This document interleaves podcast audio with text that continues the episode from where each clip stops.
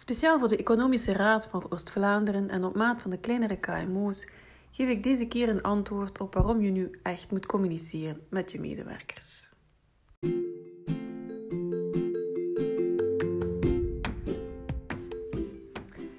Ik vertel je niets nieuws als ik je zeg dat deze corona voor heel wat opschudding heeft gezorgd. Van de ene dag op de andere gingen we van wow, niks aan de hand naar een totaal andere realiteit. En nu is het opnieuw zover. Binnen enkele dagen starten veel bedrijven opnieuw op. Of je nu van thuis uit werkt, technisch werkloos was of toch al aan het werk. Iedereen gaat opnieuw naar een nieuwe en een andere versie van de realiteit. En dat boezemt schrik in. Mensen zitten met heel veel vragen, zoals: gaan er ontslagen vallen? Hoe gaat mijn werkgever mijn gezondheid garanderen? Zijn er nieuwe regels? Maar ook veel persoonlijke vragen, want hoe vertaal ik die nieuwe regels voor mij specifiek? Wat verandert er voor mij specifiek? En als ik terug moet gaan werken, maar mijn kinderen mogen nog niet naar school, hoe lossen we dat dan op? Al deze vragen en al deze onzekerheden geeft stress en angst. En wat doet ons brein op dat moment? Die gaat proberen die vragen en die blinde vlekken in te vullen door veronderstellingen te maken.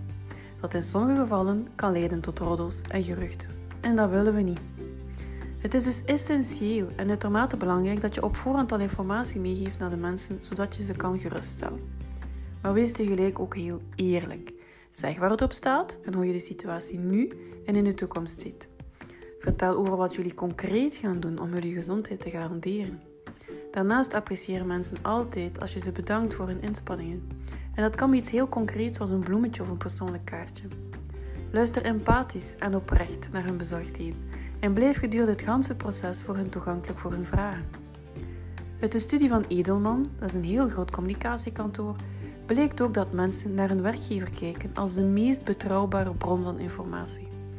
Mensen hebben dus meer vertrouwen in hun werkgever dan in de overheid of in de media zelfs. Dat betekent concreet dat al je medewerkers naar jou kijken om hen te vertellen hoe de vork in de steel zit. Om al deze informatie goed tot bij je medewerkers te krijgen en ervoor te zorgen dat je niets vergeet, maak je best op voorhand een contentplan op. Een van blauwdruk, waarbij je de verschillende momenten in kaart brengt en wat je ook nodig hebt om dat effectief te gaan doen. Wat ga je vertellen en wanneer?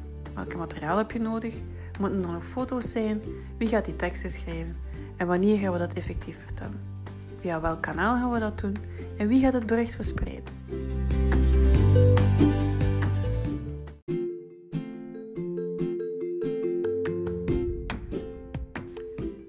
Weet je graag hoe je praktisch zo'n contentplan opmaakt? Je leest er alles over in de blog.